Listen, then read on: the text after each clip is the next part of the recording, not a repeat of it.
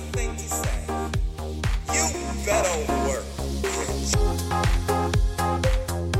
Varför har du såna byxor? Mode. Mode? Man kan inte gå till Domus och köpa någon vindsombrand. You can easily buy your way into being fashionable. Style, I think, is in your DNA. tre söta flickorna igen. Och de är under hela den här uppvisningen klädda i svenska kläder. Importen från Paris och andra modercenter är stängd, men det går ju bra i alla fall, eller vad säger publiken? Det är svensk produktion i fullkomlig internationell klass.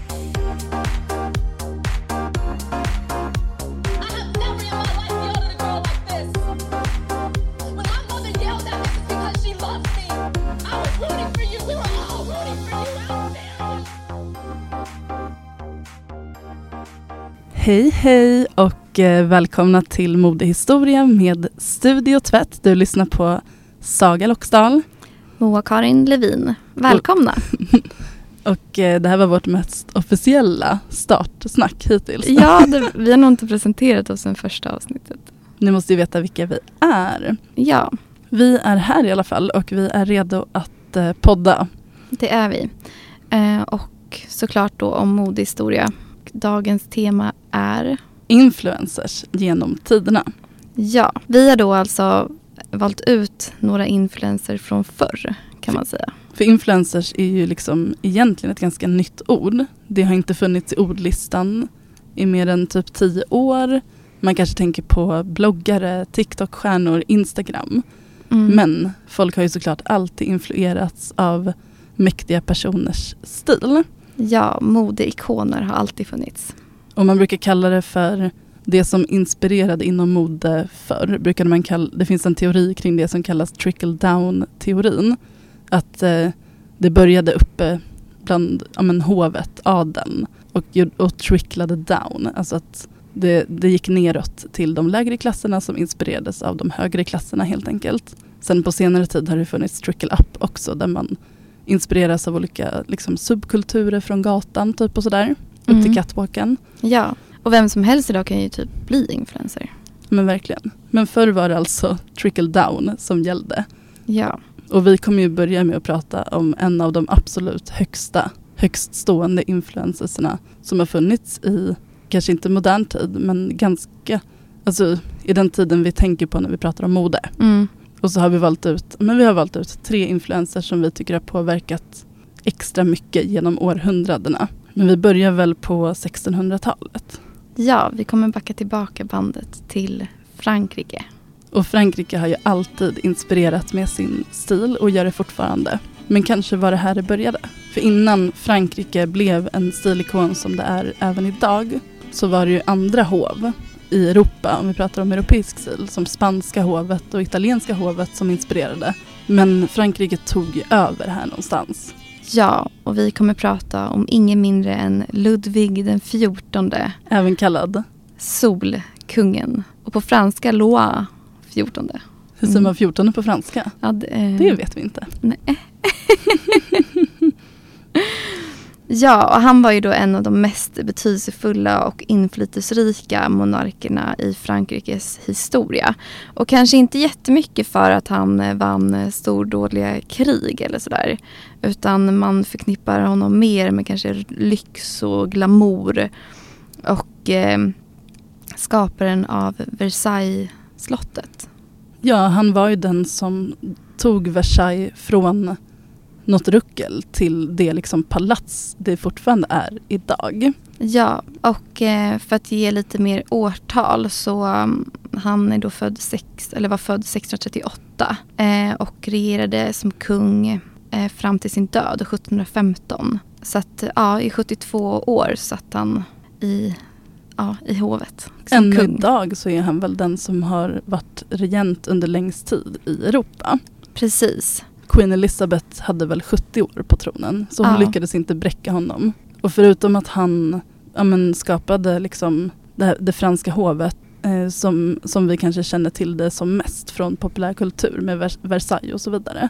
Så var han ju också den som liksom skapade den, den stil som är lite mix av barock och klassicism. Ja men precis. Eh, och man kallar av, även honom, hans tid för det stora århundradet. För att han satte så stor prägel just på kultur men också då mode. Och han hade ju en sån stil som inspirerades neråt och även neråt till lägre stående hov. Så att även i Sverige så, så inspirerades man av honom och vi ska ju förklara varför. Han var en så stor influencer helt enkelt. Alltså en sak med honom var ju att han ville ha total makt och det hade han ju verkligen. Eh, gud ja. ja, om man hade. Och han ville ju liksom se till att adeln och andra myndigheter skulle få mindre makt och att makten skulle liksom styra kring honom. Och det finns väl också något eh, citat som han har sagt att, eh, att han är staten. En totalitär ledare. Precis, staten är jag är tydligen ett väldigt känt citat från honom och det säger ju eh, ganska mycket. Men han var som en diktator kan man väl säga. På ett Ja, sätt. mer Alltså allsmäktig. Men varför kallades han Solkungen? Ja, han fick smeknamnet Solkungen på grund av hans eh, symboliska användning av solen som en metafor i sin makt och liksom storhet. Eh, och solen var också en viktig symbol i den kungliga hovceremonin som användes i konsten och arkitekturen vid Versailles. Eh, och eh, vid Versailles så fanns det också andra ståtliga skulpturer som Apollo, alltså den grekiska guden som han ja, såg väl sig likvärdig med om man säger. Ja, men han hämtade ju också inspiration. Just klassicismen handlar ju om ja, men det antika och det grekiska. Verkligen. Om vi går in lite på hans eh, hem då, Versailles. För det var ju mycket liksom, om man pratar om Versailles så pratar man ju om hans stil. Det går Ja. hand i hand liksom. Verkligen. Eh, för hovet och, och stilen i Versailles, eh, det var ju, eller Versailles är ett väldigt praktfullt slott som ligger utanför Paris då. Eh, och det blev ju liksom ett centrum för både politisk och kulturell makt. Så alla ville ju liksom finnas där. Man kan säga att det blev typ som Europas Hollywood. eh, och det sägs också att det luktade väldigt illa i Versailles just för att, alltså kanske inte just på slottet då, men alltså i Versailles för att det var så många människor som ville vistas på samma plats. Så det fanns ju inte samma tillgång till toaletter och hygien. Avloppssystem. Ja men exakt, precis som det, gör, så som det gör idag. Man kanske inte brydde sig lika mycket om det på den tiden. Nej, ja, men det här skulle liksom bli hans centrum. Ehm, och hela liksom, ja, men från adeln och andra representanter från Europa kom ju dit och liksom deltog i extravaganta fester, kungliga ceremonier, politiska överläggningar. Så att, eh, det var där det liksom hände. Men samtidigt så ville ju han då försöka påverka så att han skulle få mer makt. Men formgivningen av Versailles som vi känner det idag, där tog han ju hjälp av en framstående arkitekt, Jules Hardon Mansart, som eh, tillsammans med Ludvig XIV inte bara gjorde liksom själva palatset pråligt utan även anlade trädgårdar, storslagna trädgårdar. Ja, jag ska också lägga till att Ludvig eh, ärvde ju det här, eh, det här, det- var alltså Versailles bestod först av en, jakt, som en, av en jaktstuga som han ärvde av sin pappa. Eh, och det var därifrån då sen han skapade det här praktfulla palatset. Som blev också stilbildande för barockklassicismen som vi nämnde. Mm. Och skillnaden på den vanliga barocken som kom från Italien så var det väl lite mindre dekadent och lite mer upphöjt och Ståtligt liksom. Det känns som att Ludvig inte hade några gränser. Det skulle vara liksom extra av allt. Alltså var det spets så skulle det vara mycket spets och de flådigaste tygerna och flådigaste skulpturerna. Det kunde liksom inte vara för mycket av någonting. nej, han måste ju öst pengar på det här palatset. det var ju som ett monument över honom själv som faktiskt också uppenbarligen lever kvar än idag. Verkligen. Och det ska ju ha varit, alltså under många år så var ju det här palatset mer eller mindre en byggarbetsplats. Eh, jag såg någon siffra att det var 36 000 personer som var med och byggde det här. Och man kan ju tänka sig förhållandena då också. Eh, men allt för det här palatset helt enkelt. Hovet var som en stor, ett kulturhus också ju. Ja, det var innefattade liksom hovballetter som framfördes av medlemmar från Kungliga hovet och nya operaföreställningar. Det fungerade liksom som en hyllning till kungen och även mycket målerier, skulpturer i palatset hade då samma, samma syfte till att liksom gestalta den eh, kungliga, gudomliga Ludvig Solkungen. Solkungen ja. ja men som sagt, ja det blev en ikonisk plats minst sagt. Mm, även om jag för nyss liknade Ludvig den 14 med en diktator Ja, och började tänka på Putin när vi pratade om hans palats så måste man ändå ge honom att han främjade kulturen. Eh, verkligen. För att många kommer ju som sagt dit för att bli inspirerade. Eh, och det är mycket kultur som lever kvar än idag. Och vid sin sida så hade ju också Ludvig den 14 en högerhand, liksom, någon typ av minister till honom som hette Jean-Baptiste Colbert. Han såg till att saker genomfördes. Ja, Och eh, en sak som Jean-Baptiste Colbert brann väldigt mycket för det var ju den inhemska textilindustrin som fanns redan i Frankrike på olika ställen men han såg liksom till att stärka och kvalitetssäkra till exempel sidenindustrin, väverier och det var han också som såg till att de köpte en fabrik i Paris som heter Gobelin. Och Gobelin det är ju ett ord för vävda tapeter som man ofta ser på väggarna i slott, till exempel Versailles. Men själva namnet Gobelin det är lite som champagne. Man, det är Gobelin-fabriken i Paris som är det enda som gör gobelinger. Allt annat kan man egentligen bara kalla för vävda tapeter. Typ som att man får kalla det för sparkly wine om det inte är gjort i champagne. mm. Och det tror jag han var duktig på att liksom bestämma att det här, det, det här ska vi trademarka. Och eh, han såg till helt enkelt att textilindustrin blev så pass eh, högkvalitativ. Och den finns ju fortfarande kvar den här fabriken. Mycket av det Colbert investerade i i Frankrike lever och, och producerar även idag ja. av lika hög kvalitet.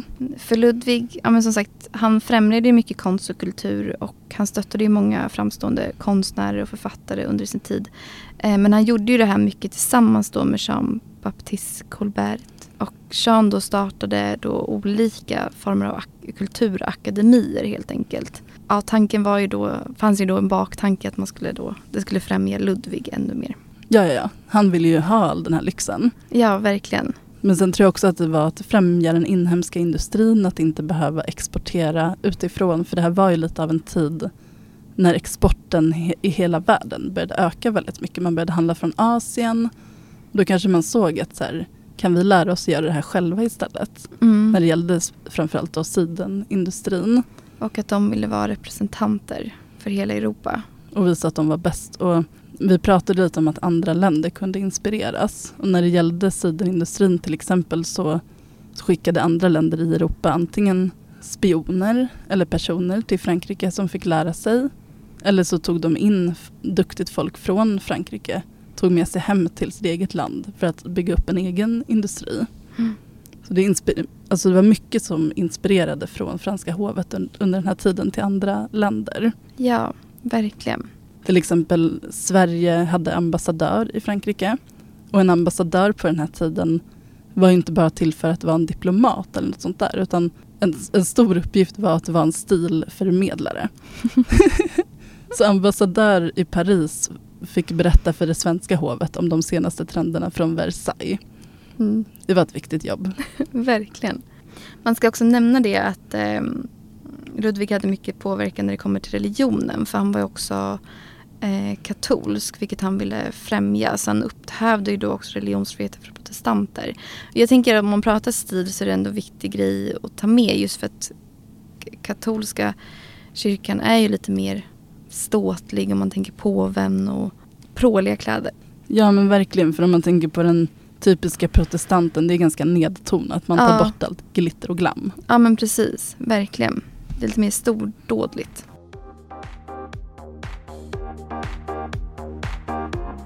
Och Ludvigs klädstil. Om man tittar på bilder på regenter runt om i Europa från samma tid och lite senare så ser man ju tydligt vad de har inspirerats av och det är från Ludvig den 14. Verkligen. Vissa ser nästan ut som kopior eh, på målade bilder. Fast ändå inte riktigt. För man kan ändå se att Ludvig sticker ut. Framförallt i färg skulle jag vilja säga. Det gick inte att ha lika bra kvalitet som han hade. Nej, han hade väl tagit den bästa.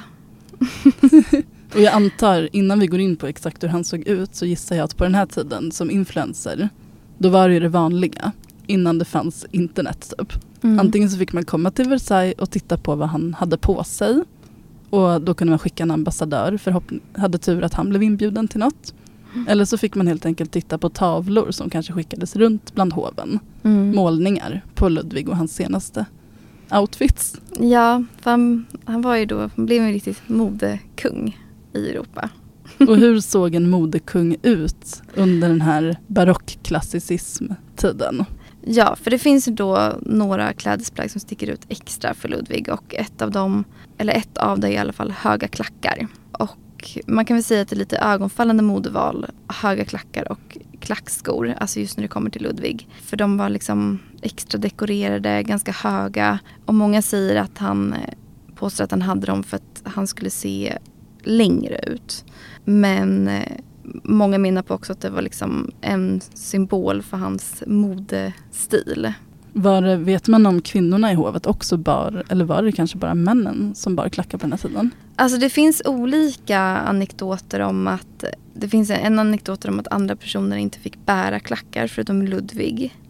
Eh, Det finns en annan anekdot att eh, alla i hovet, alltså jag vet inte om det var alltså männen då tror jag man syftade på, att alla var tvungna att ha klackar men de fick inte vara högre än Ludvig. Och det var för att man skulle liksom främja hans eh, vad man säger, modeutveckling eh, och stil. Eh, och ibland kallades Ludvig skor för Red Bottom Shoes. Ehm, och jag vet inte om det är för att de ofta hade någon röd, lite dyrbar detalj på skorna. Och det blev också då som en symbol för hans eh, status och påkostade material. Det får mig att tänka på Christian Louboutin-skor idag. Mm. Visst är det de som har en röd sula under? Ja, det är sant. Undrar om det är liksom lite Om inspirerat. det finns en koppling. Något annat som sticker ut och det ser man ju verkligen på bilder det är rikligt med tyg och broderier. Alltså vi pratar lager på lager. Eh, och Ludvig då och den franska Vänta, jag kan inte prata Saga. Aristokratin. Eh, det var kläder som var, ja men som sagt rika i tyg och överdåligt broderade. Och hans favorittyger var ju då såklart sammet, siden och sat- satin. Och sen de här påkostade broderierna och pärlor för att dekorera sina kläder. Man ser ju på bilder på honom hur han sitter liksom draperad i tyger. Mm, och det är mantel och det är, det är mycket korta typ kjolar och klänningar och där man också visar benen och sen de här Mm. klackarna. Benen på män var ju väldigt sexigt på den här tiden. Mm. Och då kunde kanske klacken förstärka det också. Att man verkligen tittade på vaden. Ja, eh, för det finns en bild här som vi har tittat på som ja, men han har den här stora manteln, ganska kort puffig kjol skulle jag vilja säga. Och sen så kommer hans, fram, hans ben fram. De har liksom tajta strumpor på sig. Ja, men nästan som en liten eh, stay-ups dekoration också, högre Mm. upp. Som en liten spetsdekoration. Och sen också den här stora kragen som hade så här, krage med snörning. Eh, och det var också en distinkt detalj för Ludvigs klädstil. Och det var för att eh, kragen var också känd efter namnet jabot. Är det någonting du har hört förut Saga? Eller jabot. kanske. Jabot. Mm. Jag har faktiskt inte hört det. Men eh, den var ju då gjord i väldigt fin spets och eh, stod upp runt halsen. Jag tror att man har sett det på kungaporträtt. Och den här snörningen då skulle då också vara ett sätt att framhäva en mer slank silhuett. Att halsen skulle liksom se längre ut. Mm. Men det kan man tänka sig att det förlänger halsen. Verkligen. Och spets på den här tiden var ju också väldigt dyrbart och det gjordes för hand liksom. Ja, gud vilken tid. Och sen har vi då peruken. Han har bara ofta peruk, vilket var vanligt under den här tiden. Ehm, men det, ans- det sägs också att han bidrog liksom till den populariteten för det europeiska modet. Ehm, och det var ofta väldigt påkostade med så dekorerade lockar och krullor. Han hade väldigt långt, tjockt, mörkt hår. Och det var ju gjort av riktigt människohår. Mm. Man kan tänka sig vad det kostade att göra de här perukerna. Ja, verkligen. Och få det liksom att hålla, de här fina lockarna.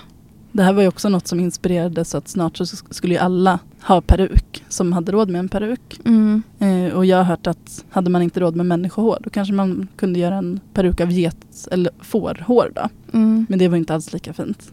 Nej. Det materialet sa ju mycket om ens status. Jag har också hört en ganska creepy sak om den här peruk. Peruktrenden pågick ju länge och skep, bytte skepnad. Hans Mm. peruker var väl grå. Mm. Eller Eh, typ bruna. brun. Men senare gick det också över i att peruker var vita och pudrade och sådär. Så det, Mm. det höll ju i sig ett tag. Verkligen. Och efterfrågan på hår var liksom ständigt väldigt hög. Ja. En eh, creepy historia jag hört om det här som jag tror kan stämma. Hörde det i en podd med Anders Lundin, han har en historiepodd. Mm. Det var att man till slut började ta av avlidna människor, Och fy. deras hår. För de hade ingen nytta av det längre. Nej. Men det kan man nästan tänka sig när det blir en så stor marknad och in, Mm. alltså inte industri men ja. Nej gud vad creepy. Hoppas det inte är så idag med peruker. Nej men det är det väl inte. Nej. Nej. Men eh, om vi ska prata lite färgval då. Ja, för han var ju känd för att han var färgstark. Mm. Och han tyckte om väldigt mycket rika, djupa färger. Gärna liksom så kungligt blå, röd, guld såklart. Ehm, också återigen för att signalera liksom hans status. Ja, det är nästan som symbolik i de här färgerna. Och det är också att blå och röd var bland de absolut dyraste färgämnena på den här tiden. Att ta fram ja. Mm, Det skulle synas att han hade råd. verkligen. Men ehm, ja, man kan väl säga att han verkade väl ha haft ett ganska stort ego. Men jag tycker det är intressant också att men han gjorde adeln, han tog makt från adeln, gjorde dem lite fattigare. Mm. Men det var ju ändå så att de var hangarounds på Versailles och de var såklart tvungna att vara fint uppklädda när de kom dit. Och det kostade ju rätt mycket att hålla sig med en garderob som passade för Versailles. Mm. Så att många adelsmän hamnade ju i djupa skulder på grund av den hela tiden ökade behovet av dyra peruker, nya rockar, eh, kragar och så vidare. Så att eh, många adelsmän levde, blev ganska fattiga på den här tiden. Och eh, det fanns också second hand-marknader i Paris där adelsklassen eh, då fick sälja sina gamla kläder neråt i klasserna liksom. Ja. För att själv kunna ha råd att köpa något nytt till kanske nästa gång de skulle till Versailles. Mm, och det var kanske så modet spred sig bland de olika klasserna. Då kunde man i alla fall köpa någon avlagd rock eller någonting och vara lite trendig. Mm. Det, det vi har sett också det är att eh, den här Solkungens stil den inspirerade liksom i flera hundra år framöver. Faktiskt eh, om vi säger att Ludvig den XIV han var regent från eh, mitten av 1600-talet då. Ända fram till franska revolutionen så var det på något sätt den här stilen som hängde kvar. Mm. Det här överdådiga. Vi har ju Marie Antoinette till exempel då Ja. och hennes Versailles-liv. Eh, Så det var först när adeln och hovet krossades totalt av den franska revolutionen under sent 1700-tal och literally avrättades som man började byta till en mer kanske nedtonad stil. Mm.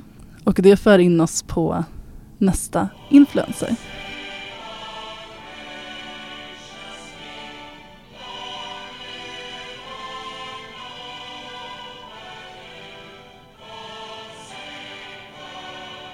Efter den franska revolutionen och tillhörande giljotiner och så vidare så ja, den här Ludvig den XIV-stilen var inte längre lika populär.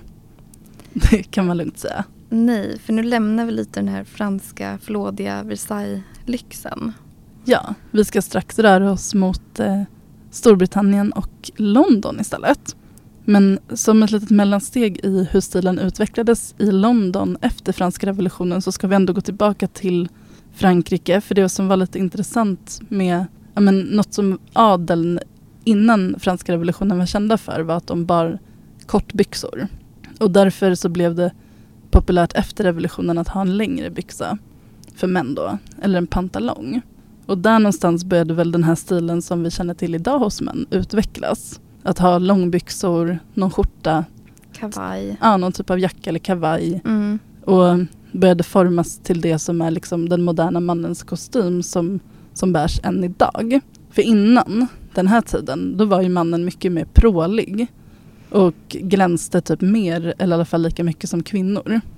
Ja, verkligen. Jag skulle nästan säga mer. Alltså, för det var ju ofta männen som hade makt och det var de som... Det skulle synas att de hade makt, alltså det var ju någon typ av logomani, att man skulle visa hur dyrt, hur mycket man hade spenderat på sina kläder. Verkligen. Och efter franska revolutionen var det inte lika snyggt att göra det. Och då började det som man idag kallar också dandy-stilen utvecklas. som var lite mer nedtonad manlig stil, lite mindre färgsprakande. Mer att så detaljerna spelar roll. Urtypen av en dandy, som är ett begrepp som kanske används fortfarande idag. Det är väl lite av en så här, rik, sysslolös man som typ har tid att vara väldigt noga med sin stil. Ja, men det ska ju samtidigt se ut som att han kanske inte bryr sig så mycket om sin stil men att han gör det egentligen. Och attityden ska vara lite så uttråkad och lite oförutsägbar. Hitta på något lite tokigt bara för att man kan. Sådär. Mm. Och det kanske lever kvar bland vissa grupper i samhället idag också. Liksom att man hittar den där typen. Ja, verkligen. Och den här dandy-stilen som Beau Brummel hade kan man väl säga finns ändå hos vissa män idag. Absolut. Och som skräddare framförallt är inspirerad av. Ja, eh, den skräddade stilen kan man verkligen kalla det här. Och Beau Brummel som du nämnde, det är ju den andra influensen vi vill prata om idag. Han är urtypen, alltså han kallas liksom för original dandyn. Det är svårt att beskriva dandyn som stil. Och det är väl svårt att beskriva Beau Brummel också. Det är motsägelsefullt.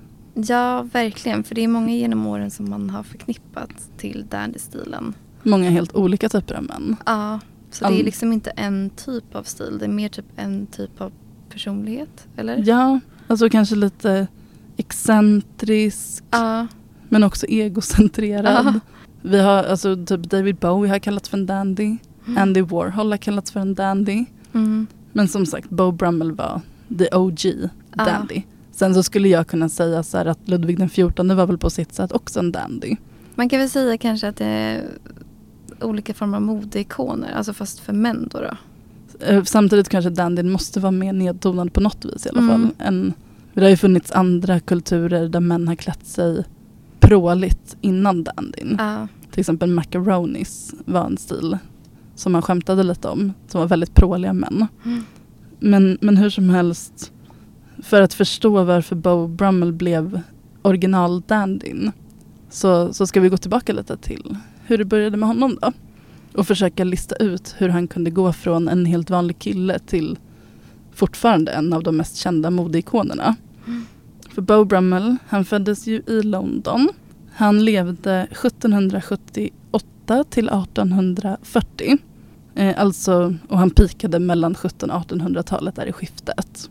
Han har beskrivits som att han var känd för ingenting utöver att han var Beau Brummel. Och det tycker jag är kul. ja jag tycker det låter lite modernt. Lite som dagens influencers. Mm. Att man behöver inte komma från någon kändisfamilj eller hovet. Man är känd för att vara den man är bara. ja, precis. Man har sitt namn. Där har man ju ja, men så här, vår tids dokusåpakändisar eller vår tids Instagram-kändisar.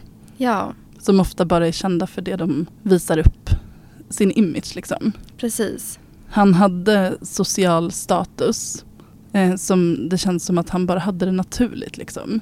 Mm. Men det sägs att han inte var särskilt rik eller något sånt egentligen. Sen kan, kan man ifrågasätta det men Ja, alltså man kan verkligen ifrågasätta det. Men man vet väl inte riktigt exakt vart han alltid fick sina, vart han fick sina pengar. Men det känns som att han byggde upp sin sociala status och kanske fick mycket stöttning utifrån. Ja, men jag tror att han var lite så fake it till you make it eh, kille. Mm. Som tog sig fram genom att liksom skälla lite högre än han egentligen eh, kunde eller vad man ska säga. Ja, Men i alla fall så var hans, hans pappa var liksom de, det menas i alla fall vad jag har kunnat läsa mig till att han var medelklass.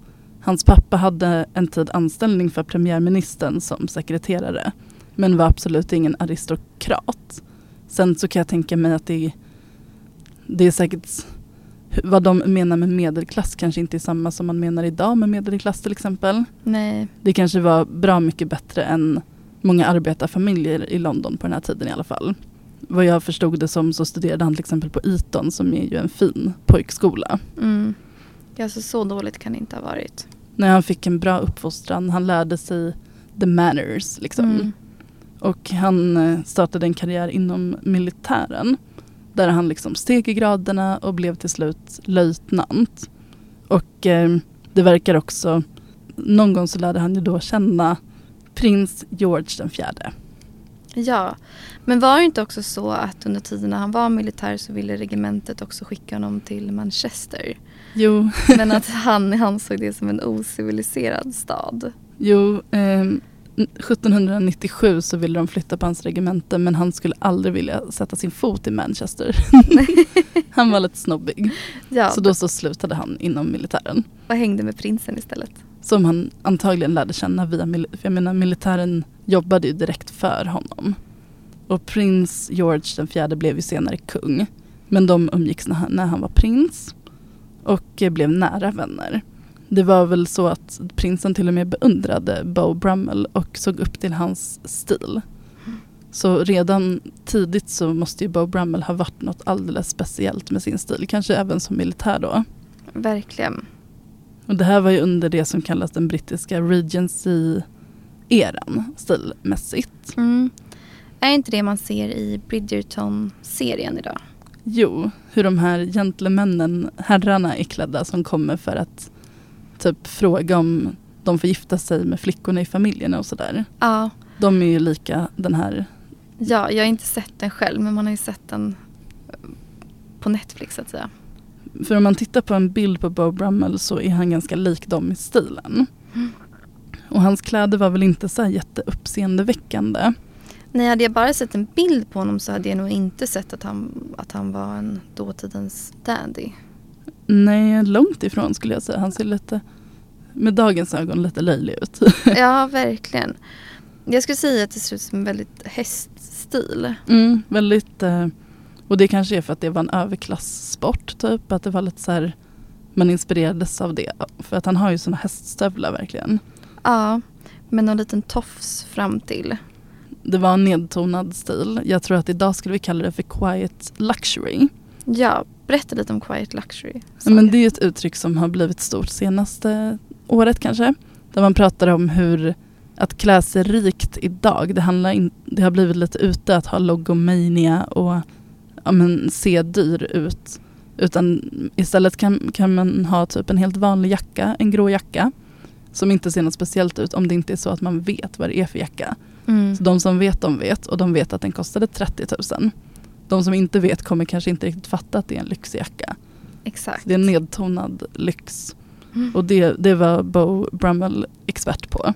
Men man får ju utgå från att han beställde de flesta av sina kläder hos skräddare. För det här var ju före liksom konfektionseran. Ja. Och det var inte så mycket färger, det var beige och vitt och lite blått. ja, för, för den här, på den här bilden så har ni de här stövlarna som vi idag kanske skulle säga lite som ridstövlar. Och sen ett par beigea höga byxor, ganska smala för de skulle också få plats i den här stöveln.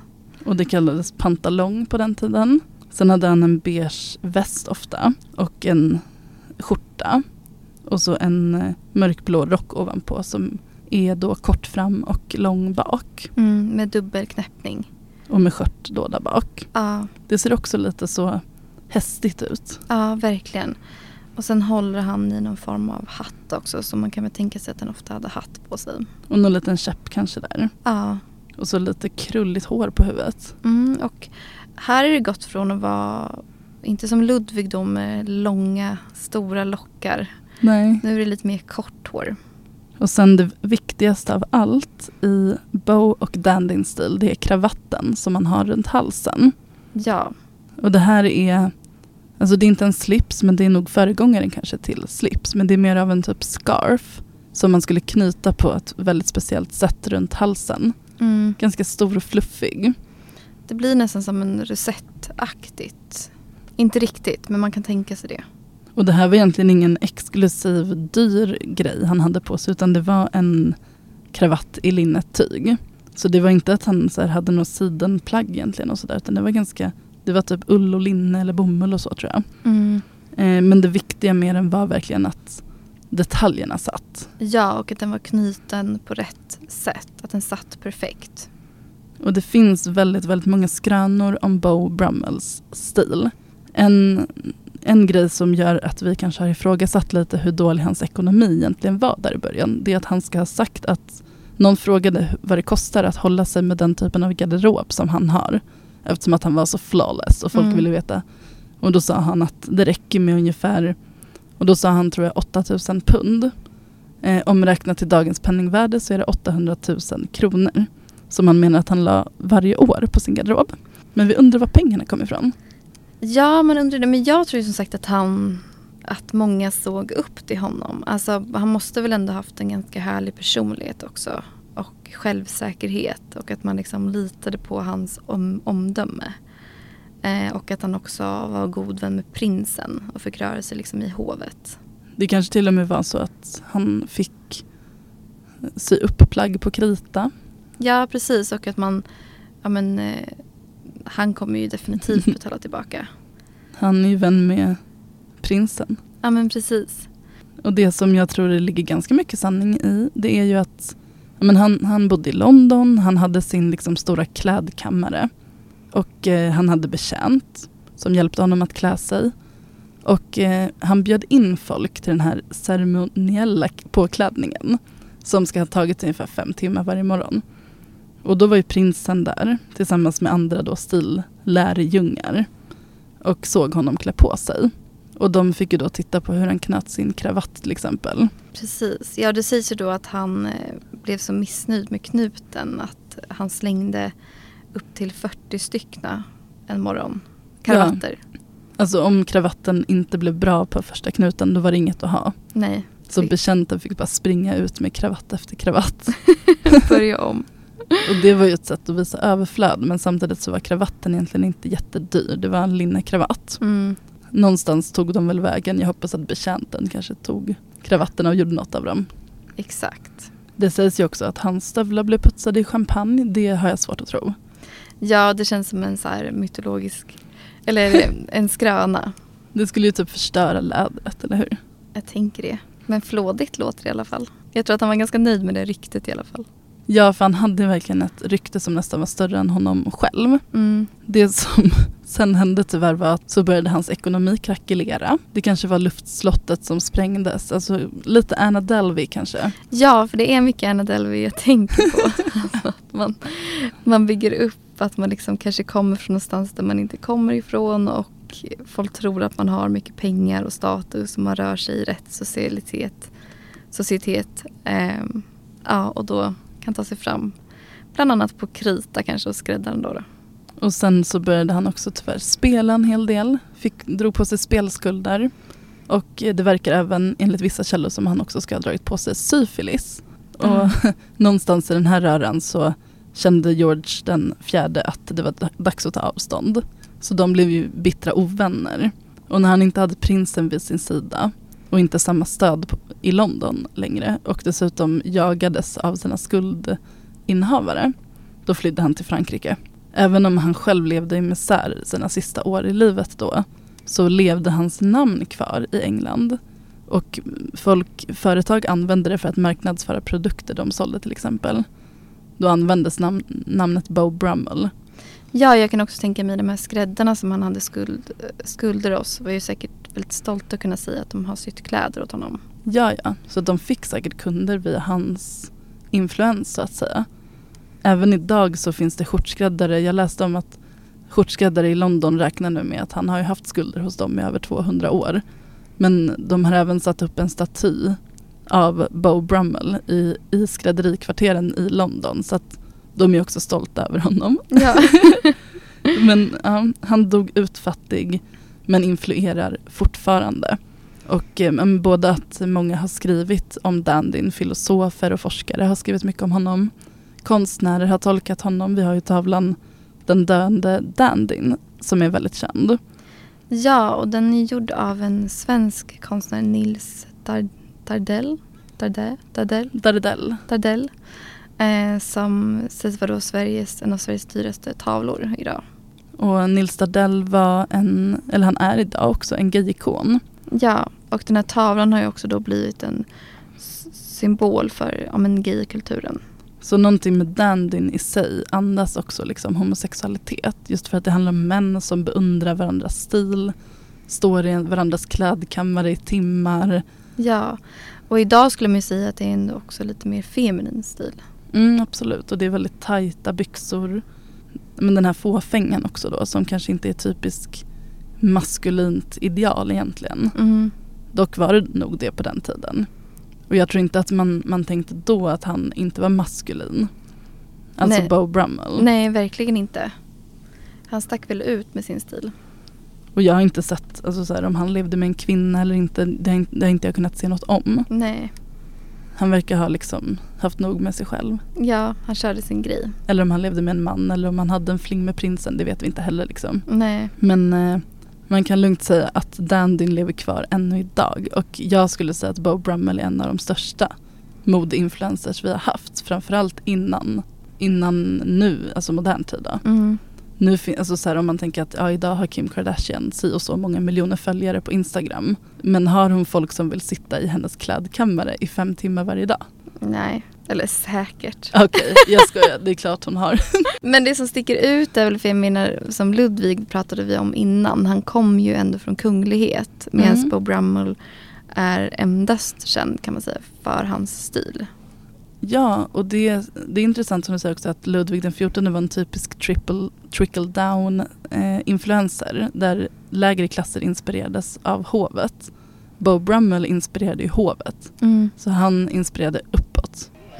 Trickle up.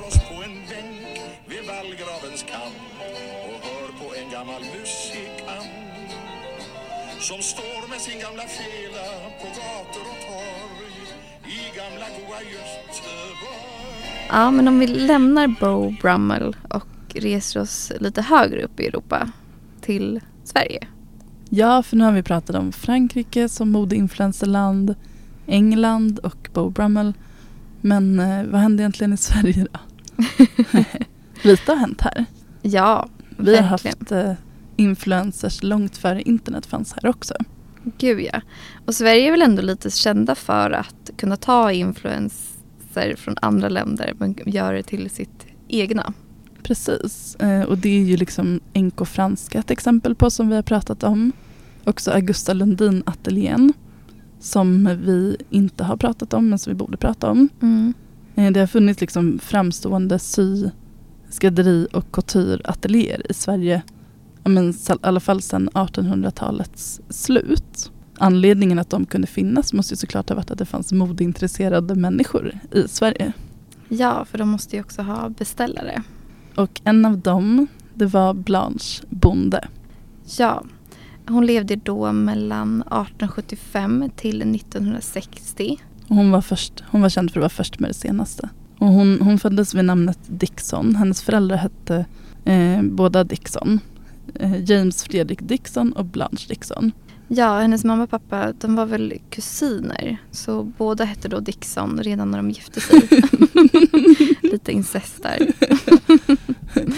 Eh, Men Fredrik då, pappan, eh, var en svensk eh, köpman och hovstallsmästare för Oscar den andra. Och mamman då var född till en riksdagsman, en Axel Dixon och hans hustru då. Så att man kan väl ändå säga att hon kom, en från, hon kom från en fin familj. Som hade kungliga kontakter. Exakt. Och, och mamman då, hon, hon var väl uppväxt mest med brittiska influenser kan man säga. Hennes mamma, Blanche Bondes mormor var från Storbritannien och även Blanche Bondes mamma hade pratat engelska hela uppväxten och var väldigt influerad av England. Ja, därav namnet Dixon. Dixon var ett brittiskt namn helt enkelt. Under Blanche Bondes uppväxt så bodde hennes familj i Göteborg och var väl en av de mest framstående familjer i Göteborg. Lite senare, 1892, och då var Blanche Bonde 17 år om jag räknar rätt nu. Då köpte hennes föräldrar slottet Tjolöholm i norra Halland att ha som sommarhus. Och eh, det var ju dåligt skick då. Så att de fick bygga något nytt helt enkelt. Och de valde att utlysa en arkitekttävling om någon som kunde rita ett slott i elisabetansk stil. Ja, och om man söker då på Elisabeth, jag tycker alltid svårt att säga elisabetiansk stil. Så kan man väl säga att det är ganska pråligt. Väldigt så stor, ganska stor mönstrade pråliga tapeter. Ja. Tänk, tänk tjusig brittisk stil. ja, brittiskt. Verkligen. Och den som vann eh, hade då hämtat inspiration från den brittiska Arts and Crafts-rörelsen. Som troligtvis då går hand i hand med den här elisabetanska stilen. Men det var ändå en nyskapande stil på den här tiden. Den, det finns en person som har beskrivit slottet så här. Jag ska läsa upp ett citat för Mm. att liksom beskriva känslan. Kul. Det här är prästen Gustav Ankar som besökte Tjolöholm år 1904 när allting precis hade blivit färdigbyggt. Det var som att träda in i en sagovärld. Så fullständigt olikt allt annat jag dittills skådat.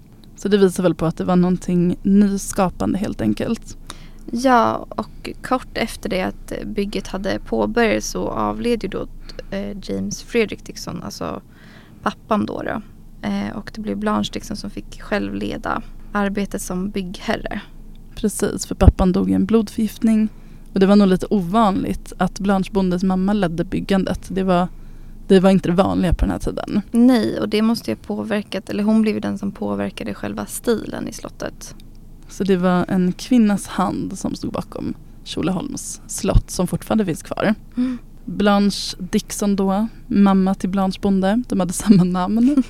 eh, hon fick inte leva så länge heller. Hon, under en båtresa till Ceylon 1906 så dog hon i difteri. Hon Ja. begravdes i Indiska oceanen. Och därefter då fick då Blanche Bonde ärva Tjolöholms slott. Och eh, det roliga är väl kanske också att Blanche Bonde, hon måste ju också fötts Blanche Dixon från början eftersom att hennes föräldrar heter Dixon. Mm. Det var ju först senare hon gifte sig och fick namnet Bonde. Men Så precis. under ganska lång tid hade hon och hennes mamma samma namn. Väldigt förvirrande. Men vi, vi kallar henne Blanche Bonde även om hon från början hette Blanche Dixon för vi kan inte ha två Blanche Dixon i den här historien. Nej, det blir för rörigt. Men nu låg alltså Blanche Dixon på havets botten och pappa låg begravd. Ja, och Blanche Bonde då skulle driva det här slottet. Och hon blev ju också då en it-girl och modeinspiratör. Precis, och hon fick också ett adligt namn för hon gifte sig med den högadliga greve Carl Gustav Karlsson Bonde. De fick fyra söner tillsammans och levde på Tjolöholm tillsammans. Ja, men vi ska gå in på hennes stil, men det var också en annan sak hon var it-girl inom på Tjolöholm. det är hennes huvudsakliga syssla på Tjolöholm, förutom att vara en tjusig adelsdam, det var ju att driva kennel. Och det var främst dvärgspetsar. Ja, för hon var ju då först med att importera den här rasen till Sverige. Och det var någon form av Cairn Terrier från Skottland. Som hon också var först i Sverige med att importera. Mm. Så jag vet inte vad skillnaden är men hon hade dvärgspetsar, hon hade terriers. Ja, Man får väl säga att hon var, en, hon var först med de senaste hundraserna och en riktig hundinfluencer. ja, och om man tittar på bilder på Blanche Bonde så är ju verkligen hundarna en central roll med också egna fotoporträtt. Och dvärgspets kan ju också kallas för pomeranian. Ja, det är de här lite puffiga. Fast idag tror jag de är lite mindre i storlek än vad hon hade men de var ju fortfarande små. Ja, för på bilden när man ser henne så har hon ofta hunden med sig. Mm. Och man ser, de, de ser ut som gammaldags hundar. De har förändrats med tiden. Verkligen. Men otroligt söta och man kan väl tänka sig att hon säkert inspirerade många andra till att ha den här typen av ras. Ja, jag tror att det var inte få adelskvinnor som skaffade en liten pomeranian. Nej, verkligen inte. Och det var inte bara så här, liksom casual bilder på hennes hundar utan hon tog hundarna till fotograf och hon tog jättefina och proffsiga bilder. Och hon, Ja, Om hon själv skulle ha en porträttbild så hade hon hunden i famnen. Liksom. ja, hon posade med dem. Hennes barn posade med dem. Eh, det finns bilder på hundarna när de står utanför slottet. Så man kan väl tänka lite så här Paris Hilton med sin chihuahua. Så var Blanche Bonde med sin dvärg, eller pomeranian. Ja men verkligen. Alltså jag vet inte om pomeranian och dvärgspetsar de verkar vara ganska lika. I Ja, alla fall i storlek. precis. Det var Eller- hundar hon kunde bära runt på. Ja, ganska puffiga. Spetsig nos. Och de passade säkert till hennes outfits. Ja, Jag skulle tro att hon har fler bilder på sina hundar än på sina barn. gud ja. Hon verkar älska sina hundar. Och det blev ju liksom väldigt känt hennes kennelverksamhet på Tjolöholm. Ja, men det var inte allt hon gjorde. Eh, hon umgicks ju som sagt i societeten och eh, hon beställde sina kläder från ateljéerna vi nämnde då, Augusta Lundin och NKs franska. Och idag på Göteborgs stadsmuseum så finns det ungefär 500 klädesplagg bevarade från hennes eh, garderob. ja och det är då både klädesplagg, skor och också leksaker. Så det är inte bara endast kläder. Men det är ändå en väldigt stor samling, vilket är jättekul. Undrar om det finns hundkläder också. Mm, säkert. Men det måste ju ändå vara en av de största typ, privata garderoberna som finns bevarad i Sverige. Ja, Bara det är värt att uppmärksamma tycker jag. verkligen. Och hon borde få en egen utställning. Men anledningen att vi uppmärksammar henne nu det är ju lite för att det har varit utställningar med både Augusta Lundins skrädderi och med NKs franska. Mm.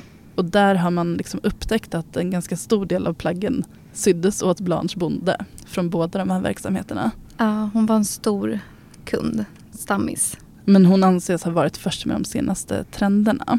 Och sen så vet man också att hon umgicks med några av de mest framgångs, framstående familjerna i Sverige. Till exempel familjen Hallwyl som bodde i Hallwylska palatset som ju finns kvar som ett museum i Stockholm. Jag såg i alla fall att de har haft ett porträtt av henne i sin ägo i familjen. Som idag finns på Nordiska museet. Det skänktes dit av familjen. Mm, fint, det Mm. visste jag inte. Så att om de har haft ett porträtt av henne och de skänkte det faktiskt till Nordiska museet redan 1911 när hon fortfarande var ganska ung då. Och då undrar jag om det var att de slutade umgås sen eller varför skänkte de bort porträttet så tidigt?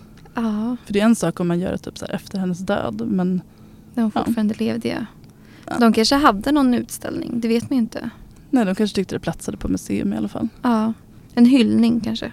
Men också att de ens hade ett porträtt av henne. Det kanske man hade på sina vänner på den tiden. Alltså det är ett målat porträtt. Ja, eller jag tänker mer att det var kanske familjemedlemmar som hade typ på sin familj eller att man kanske hade på kungen eller. Nej, jag vet inte. Men hon var ju typ deras kompis. ja, ja, så måste ju uppenbarligen betytt väldigt mycket. Jag kan tänka mig att de till exempel såg så red tillsammans och sådana saker. Mm. Hon är lite också, det här var ju också på den tiden som var kanske adelns sista suck i Sverige. Tidigt 1900-tal. Eh, när de här skrädderierna fortfarande var igång och det gick att gå på olika tillställningar där man verkligen klädde upp sig till tänderna. Det var ju ingenting som man kunde göra sen. Alltså så här, tänk 50-60-tal, då var ju det helt utdött. Mm. Så de hade väl liksom det här livet och eh, de hade ju också väldigt mycket personal krävdes för att hålla uppe alla tillställningar och alla outfits och så vidare inom societeten. Det hade man liksom inte senare.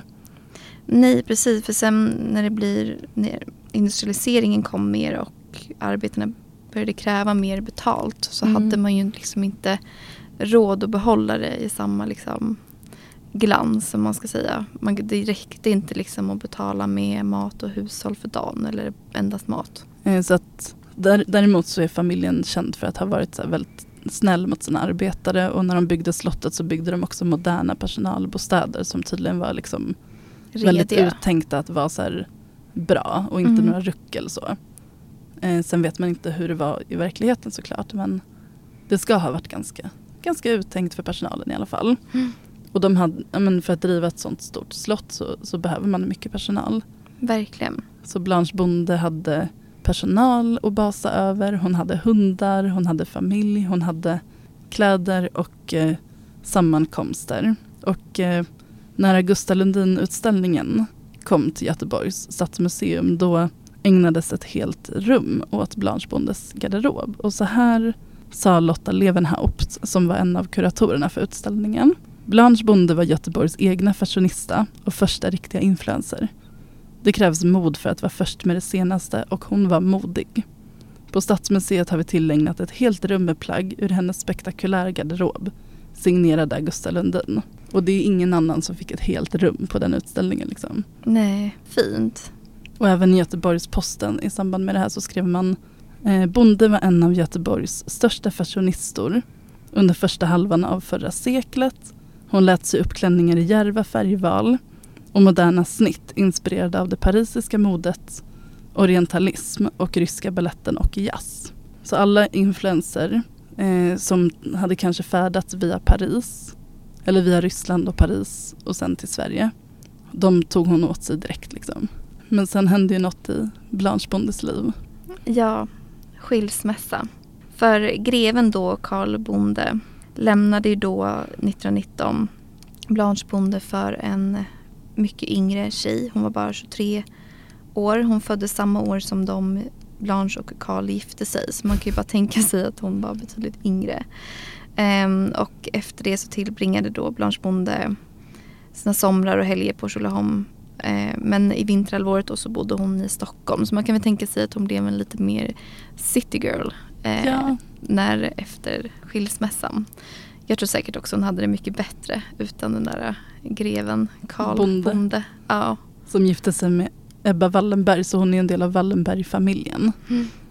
Eh, men det, jag tror att det var ovanligt att bli lämnad av sin man på det här sättet år 1919 ändå.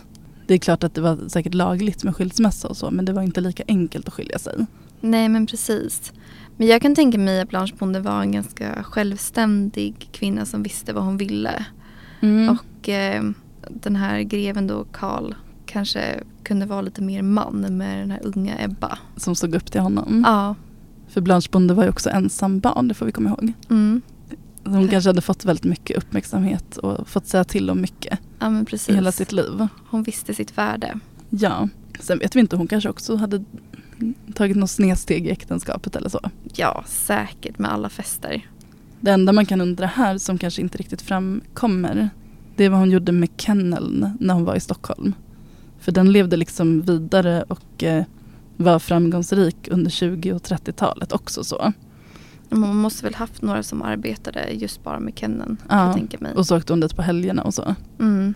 Hon fick till och med fram flera champions på sin kennel.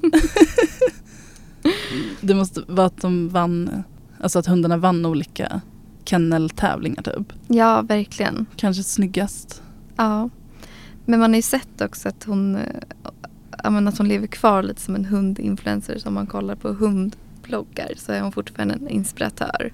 Ja, hon lyfts ofta av olika organisationer inom hundavel och så. Mm, Eh, så, så både mode och hundinfluencer var hon ju uppenbarligen. verkligen. Eh, och Blanche Bonde lever ju inte idag. Det är inte heller någon som har skrivit hennes självbiografi tyvärr. Det finns säkert mycket mer att ösa fram om den här kvinnan tror jag för jag tycker att hon verkar rätt spännande. Men den som är i livet det är ju hennes barnbarn Claes Bonde. Som har berättat i en intervju om eh, sina minnen från Tjolöholms slott. Och då är det lite senare i tid, det är sådär 40-50-tal när han var barn. Och han berättar ju att eh, kung Gustav V var en flitig gäst på slottet på stora middagar. Då fick barnen gömma sig i köket med tjänstefolket så det fanns väl fortfarande lite tjänstefolk då. Mm. Han tyckte det var ganska stelt. Men, men de fick leka lite och sådär, leka cowboy och indian på de stora gräsmattorna. Men det var ganska mycket att de fick vara med en barnskötare och det var väldigt strikt liksom när barnen hälsade på. Mm. Eh, så vuxna hade sin egna glamorösa värld och barnen en annan värld. Han säger till och med att det var flera områden som var avspärrade för oss barn där jag ännu kan gå vilse. Men något som jag tyckte var intressant är att han minns hur den ryska prinsessan Maria Pavlovna var gäst på slottet också. Och hon, hon är intressant i sig. För hon, hon var en kort tid gift med en svensk eh, Bernadotte, om han var prins tror jag. Ja. Och, eh, hon trivdes typ aldrig riktigt i Sverige och eh, gjorde också en uppmärksam skilsmässa där. Eh, hon flyttade runt i hela världen. Ryssland kunde hon inte heller bo i efter ryska revolutionen. Men ibland var hon i Sverige fortfarande. Hon, hon följde inte konventioner. Nej. Det finns många historier om henne. Och på Tjolöholm ska hon tydligen ha åkt på ett stort silverfat nerför trapporna i slottet. ja, hon verkar lite galen. Jag har också Härligt. Jag läste om henne också att hon från en annan middag som jag tror var på Tjolöholm att hon på, på något sätt, de gjorde någon typ av vad som gjorde att hon bara valde att hoppa rakt ner i sjön i en jättefin svart sidenklänning som hon hade på sig för att bevisa någonting typ. Eller, Maria Pavlovna kräver ett eget avsnitt helt enkelt. hon var någon typ av pip, prinsessa Pippi Långstrump typ. Ja, Eh, ja, det gör hon verkligen. Men det säger någonting om också hur inflytelserik Blanche Bonde var genom alla år. Att det var, det var verkligen både kungen och prinsessor som kom på hennes middagar och det var klart att då vill man ha det senaste på sig. jag att Tjolöholm blev som ett känt institut. institut. Det var Göteborgs Versailles. Mm. Men Verkligen. lite så tror jag att det var faktiskt. Gud ja. Eh, lustigt nog att det då liksom inte är så pass ihågkommet som det borde vara. Jag har också sett att eh, ja, men några av de tidigaste filmerna som spelades in i Sverige spelades in just på Tjolöholms slott. Mm. så stumfilmer och så.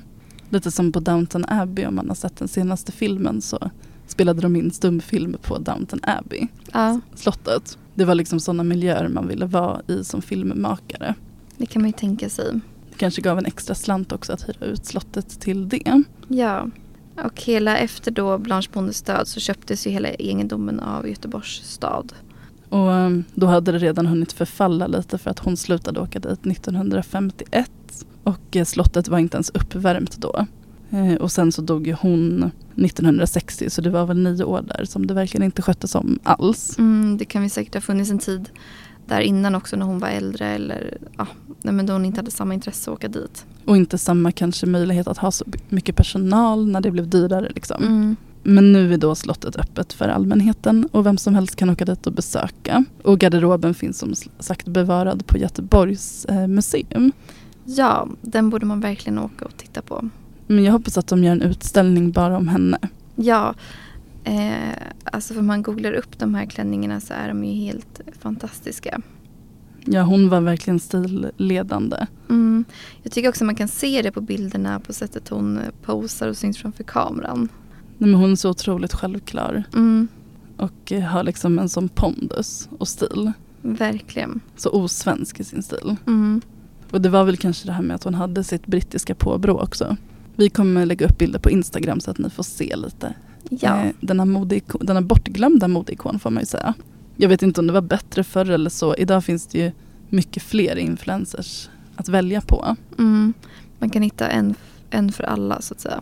Men folk är fortfarande ganska det är ganska typiskt att man hela tiden ska inspireras av någon annan och köpa det de köper och sådär. Mm. Att många kanske inte vågar gå först. Det är bara vissa som gör det Nej, och de blir influencers. exakt. Jag tänkte på det här med Bo Brummel, att han bjöd in folk i sitt sovrum och att vi tänkte på om Kim Kardashian skulle kunna göra samma Ja. sak. Vi har ju faktiskt alla de här videosarna med Get Ready With Me. Ja, gud ja. Eller så dagens eh, work outfit eller outfit. Ja, jag, alltså jag vet inte hur många gånger jag själv har kollat på TikTok när någon bara visar vad de tar på sig för outfit. Så att vi är ju där. ja Vi är i Bo Brummels klädkammare. hela tiden. Ja, ja, ja. Verkligen. Precis som prins George den fjärde så sitter vi där och sen så vill vi köpa samma scarf eller samma skor Ja. eller väska. Liksom. Eller prova att knyta på samma sätt. Men vad tror vi då? Kommer någon av dagens influencers vara lika känd som de här om några hundra år? Alltså jag tror väl om man tänker i historien att de, typ de första realitystjärnorna, Mm. alltså typ då Paris Hilton. Ja, Om man tänker lite mer modern, alltså när tv och så börjar komma. ja precis.